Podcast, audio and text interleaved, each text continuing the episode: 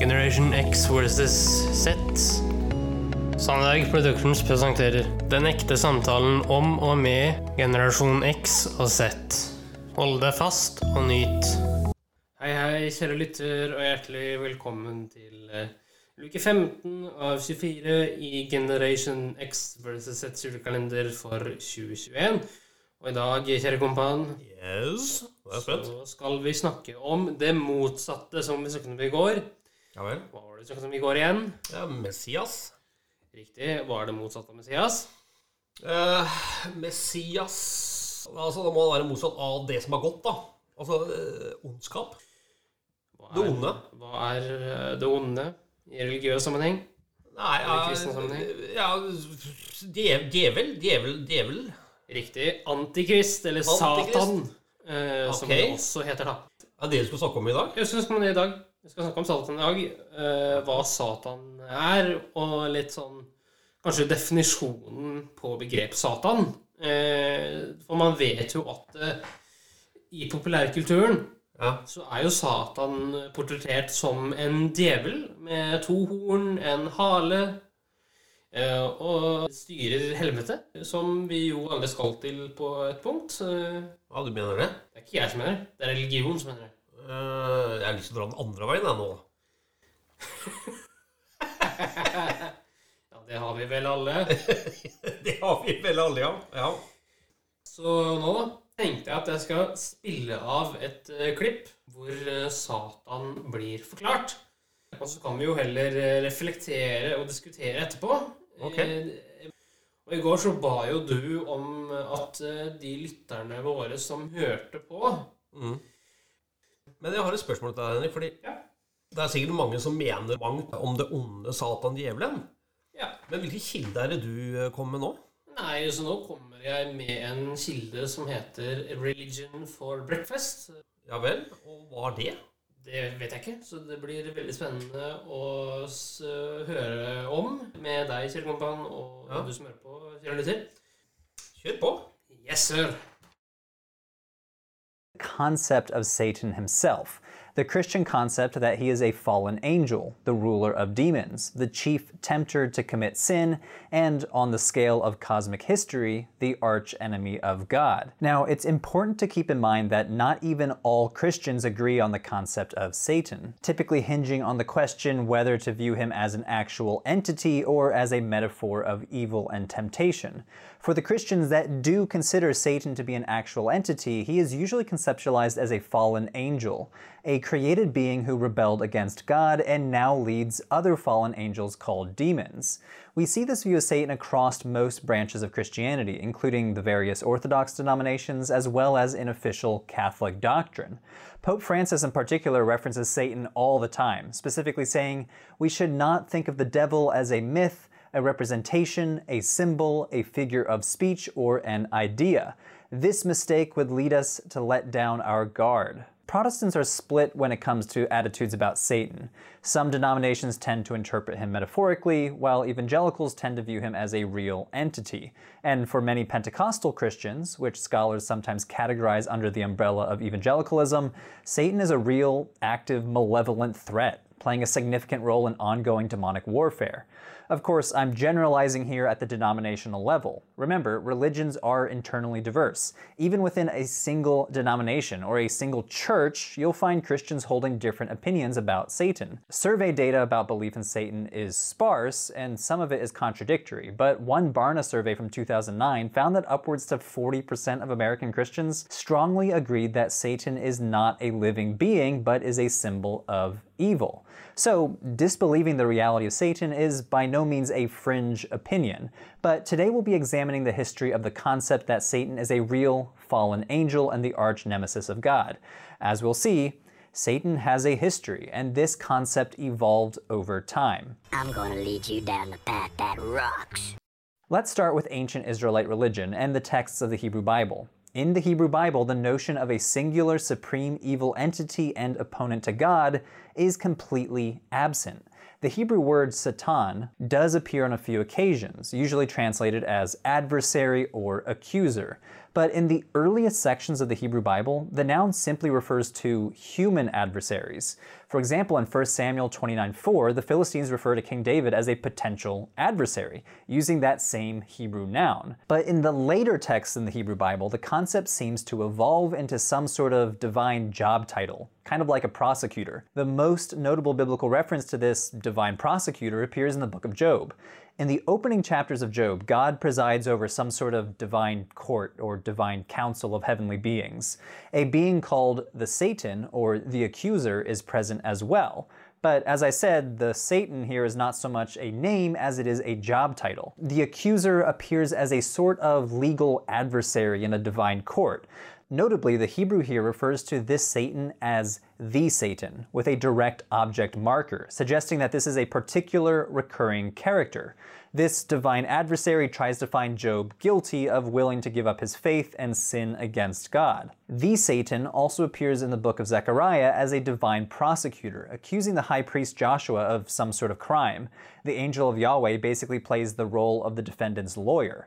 Notice that neither of these references mirror later Christian conceptions of Satan. The adversary or the accuser in Job is not a prince of demons. He is not a fallen angel, nor is he an absolutely evil antagonist of God. He actually seems to be part of God's divine council, but it's significant that both of these mentions appear in literature composed during or after the Babylonian exile. For those of you that know your ancient Israelite history, the Babylonians sacked Jerusalem in 586 BCE and carried into exile many of the elites from the kingdom of Judah. When the Achaemenid Persian Empire defeated the Babylonians, the Achaemenids allowed them to return to Judea. Nothing before the Babylonian exile comes close to the Christian concept of Satan. No fallen angels that rules other fallen angels, no specific enemy of God, but scholars surmise that something must have happened during this period that sparked this conceptual evolution from lowercase s Satan to the Satan, a specific recurring adversary. And that something might have been Zoroastrianism. So, for a period of two centuries, from when the Jews returned from the Babylonian exile in 550 BCE until Alexander the Great conquered the region in 323 BCE, Judeans were under Persian control in one form or another. Judea itself remained part of the Achaemenid Persian Empire. So, scholars theorize that the exiled Judean elite must have come into contact with Persian religious functionaries and developed new theologies in light of the new religious ideas that they were hearing from the Persians, specifically Zoroastrian ideas. Zoroastrianism is a very ancient religion still practiced today that originated in ancient Iran. It teaches that the divine being, Ahura Mazda, is a perfectly good being locked in constant battle with a wholly evil being named Angra Mainyu. Now, there are a few problems trying to trace the influence of Zoroastrianism and post exile Judaism. Scholars that are well versed in both Jewish apocalyptic texts and Zoroastrian texts are vanishingly rare, so there is not much research on this subject. But generally speaking, scholars of Iranian religion like Albert de Jong argue that we do see clear evidence of Zoroastrian influence in Second Temple period texts, even though we should admit that this term influence here is simplistically covering up what was certainly an incredibly complex process of cultural exchange that took place over the course of centuries. An obvious, though superficial example of this influence is the demon Asmodeus, who appears in the book of Tobit as a particularly wicked demon and the main antagonist to the story. This name, Asmodeus, seems to be etymologically linked to the Zoroastrian being Ashmedeva, a lieutenant of Angra Mainyu. But we see more systematic influence in later Jewish texts insofar as everybody seems to start theologizing about a cosmic struggle between good and evil, specifically a struggle between a spiritual being of goodness versus a spiritual being of evil, and texts that rhetorically link these beings to light and dark. The clearest example of Iranian influence appears in the Dead Sea Scrolls. These scrolls preserve a number of extra biblical texts that introduce a sort of two spirits theology, for example, the text called the Community Rule, one of the major texts in the Dead Sea Scrolls corpus, says that the God of Israel created the spirits of light and darkness, and founded every action upon them, and established every deed upon their ways. This angel of darkness is responsible for all evil and sin. The Community Rule continues The angel of darkness leads all the children of righteousness astray. All their sins, iniquities, wickedness, and all their unlawful deeds are caused by his dominion. The community rule and other Dead Sea Scrolls refer to this malevolent spirit as Belial, an evil angel who leads an army of other evil angels. So we're starting to see hints of our familiar character Satan. Another text, the War Scroll, describes a final battle between the sons of light and the sons of darkness. The archangel Michael leads the sons of light, while the malevolent angel Belial leads the sons of darkness. So many scholars see this balance of light and dark, Michael and Belial, good and evil, as clear evidence of Zoroastrian influence among some Jewish sectarian groups during the Second Temple period. Now, some scholars go even further and specifically link these ideas to a Zoroastrian sect called the Zurvanites, who believed, among other things, that the two spirits Ahura Mazda and Angra Mainyu were children of a supreme entity, or prime mover called Zurvan, since the Dead Sea Scrolls apparently believed that the God of Israel still presided over these two spirits of light and dark. But the Dead Sea Scrolls are not alone. In even earlier apocalyptic texts, the concept of a singularly evil angelic character starts to come into focus, especially in the text First Enoch. First Enoch is a big expansion of a story in Genesis chapter 6 about angelic beings called the children of God seducing human women who then give birth to the Nephilim, which may come from the Hebrew verbal root to fall. These were devious angels who taught humans all sorts of evil things like magic, astrology, and war. The Book of Enoch has various names for a bad guy in chief leading these angels, but it's not Satan or Belial. The chief bad guy in the earliest section of Enoch, called the Book of the Watchers, is confusingly called Shemihaza or Asael. Shemihaza is opposed by the archangel Michael, Asael is opposed by the archangel Raphael, but in another section, the four archangels seem to associate Shemihaza with Asael and suggest that God has given him authority. In another section of 1st Enoch, the so called dream vision, the angels appear as stars, and Asael is the first to fall. So here we're seeing the idea of evil angels literally falling from the heavens. The word Satan does appear in 1st Enoch, but it does not seem to be a specific name. One section uses the word Satans as a classification of fallen angel. Enoch says that he heard the voice of an archangel driving away the Satans. Other verses use the word Satan as a singular proper noun, but scholars debate whether we should simply translate this as the adversary and not as a specific name. This seems to be the case in the Book of Jubilees, which is another apocalyptic text that expands on the Book of Genesis. Jubilees introduces the character Mastema, who is cast as the leader of demons and who is referred to as the Satan, though again, there, this is more of a title and not so much a proper name, and seems to be closer to the character of the Satan in Job as a tester or accuser. So, to summarize, an evil leader of fallen angels or evil spirits in general becomes a recurring character in Second Temple apocalyptic texts Shemihaza, Asael, Belial, Mastema, the Satan, and it's out of this cultural context that the early Jesus movement emerged. So, let's turn now to the New Testament. Unlike the Dead Sea Scrolls, the name Belial is rare in the New Testament. The Apostle Paul mentions Belial to refer to the evil antithesis to Christ, but generally speaking, the New Testament refers to the chief adversary of God by the word Satan, or by the Greek word diabolos, which is a direct translation of the Hebrew word Satan and also the origin of English words diabolic and devil. Satan in the New Testament continues in his role as a prosecutor or tester of some sort. So, for example, when he tests Jesus in the desert. But he also tempts people to sin, like when he tempts Judas Iscariot to betray Jesus. Other early Christians also apparently attributed to Satan the power to cause illness and death and he is often referred to as the Archon, or ruler of the demons. But as we've seen from throughout this video, all of these attributions derive not from the Hebrew Bible, but from the same theological streams of thought that we see in 1st Enoch's Asael, the Dead Sea Scrolls Belial, and the Book of Jubilees Mastema. Historically, Christians interpret stories in the Hebrew Bible through the lens of this New Testament version of Satan, like the idea that the snake that tempted Adam and Eve in the Garden of Eden must be Satan, or that an oracle condemning the Babylonian king in the book of Isaiah refers to the origins of Satan himself. The prophet laments, How you are fallen from heaven, O day star, son of dawn. This word, day star or morning star, which is a reference to the planet Venus, was translated as the word Lucifer in the Latin Vulgate translations of the Bible, and it became a name for Satan. But the prophet here is referring to an earthly ruler. My aim in this video was not to debunk Christian theology. My aim in this video was instead to challenge us to think historically. I was a history major back in college before my foray into religious studies, and I was taught the five C's of historical thinking, a method for how we as students of history should approach events, concepts, or people in the past. The five C's are change over time, context, causality, complexity, and contingency.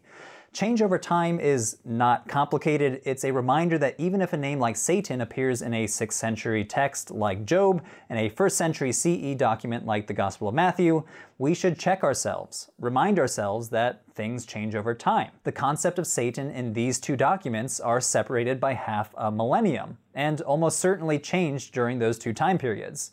The second C is context, which reminds us that concepts like Satan evolved within an interrelated network of societal, cultural, and political influences. In the case of Satan, he seems to have evolved in the context of the Achaemenid Persian Empire, and later the Hellenized Empire of Alexander the Great. So we should look to the conditions of these two historical and cultural contexts when analyzing Satan. Then we have causality and complexity. Figuring out causality is difficult because, as the historians Thomas Andrews and Flannery Burke write, scientists can repeat experiments again and again to figure out cause and effect. But for historians, the past has already happened. We can't really repeat our experiments to figure out what caused what effect. We can argue that Zoroastrianism influenced the evolution of Satan, but we can't really pin down the precise cause and effect. Who was the first Zoroastrian priest to sit down with an exiled Israelite and debate about the nature of good and evil? We don't have access to that sort of data. So, in order to figure out causality, we need to rely on logic and probability rooted in the study of primary source documents. But then there is complexity. Complexity is the reminder that everything has multiple factors. It would be way too simplistic to say Zoroastrianism caused the concept of Satan, because reality is always messier and more complicated than that. And finally, contingency, probably the most difficult concept in the 5C framework. To argue that history is contingent is to claim that every historical outcome depends upon a number of prior conditions. This is a reminder that everything is connected. The Babylonians conquered the kingdom of Judah, then they carried them into exile. Then the Achaemenids conquered the Babylonians, and then they allowed the Judeans to return. It is a string of contingent events stemming from prior conditions, and changing any one of those prior conditions might have led to a completely different future. Contingency is a corrective for the historical fallacy of teleology the notion that history is headed toward a predetermined destination. It was very in vogue in the early 20th century for historians to write teleological histories of Christianity, that the modern brand of Christianity that we know was destined to prevail as a new religion over the old paganism of the Roman Empire. When in reality, if we were to change one condition or another in this string of contingent events, maybe a completely different sect of Christianity would have prevailed, like the sect of Christianity that interpreted the snake in the Garden of Eden as the good guy. So, when we approach any concept in any religion, remember to apply the 5C framework to help us think historically about religion. Det var eh, Den var Oi, oi, oi. Det var intenst, eh, Henrik.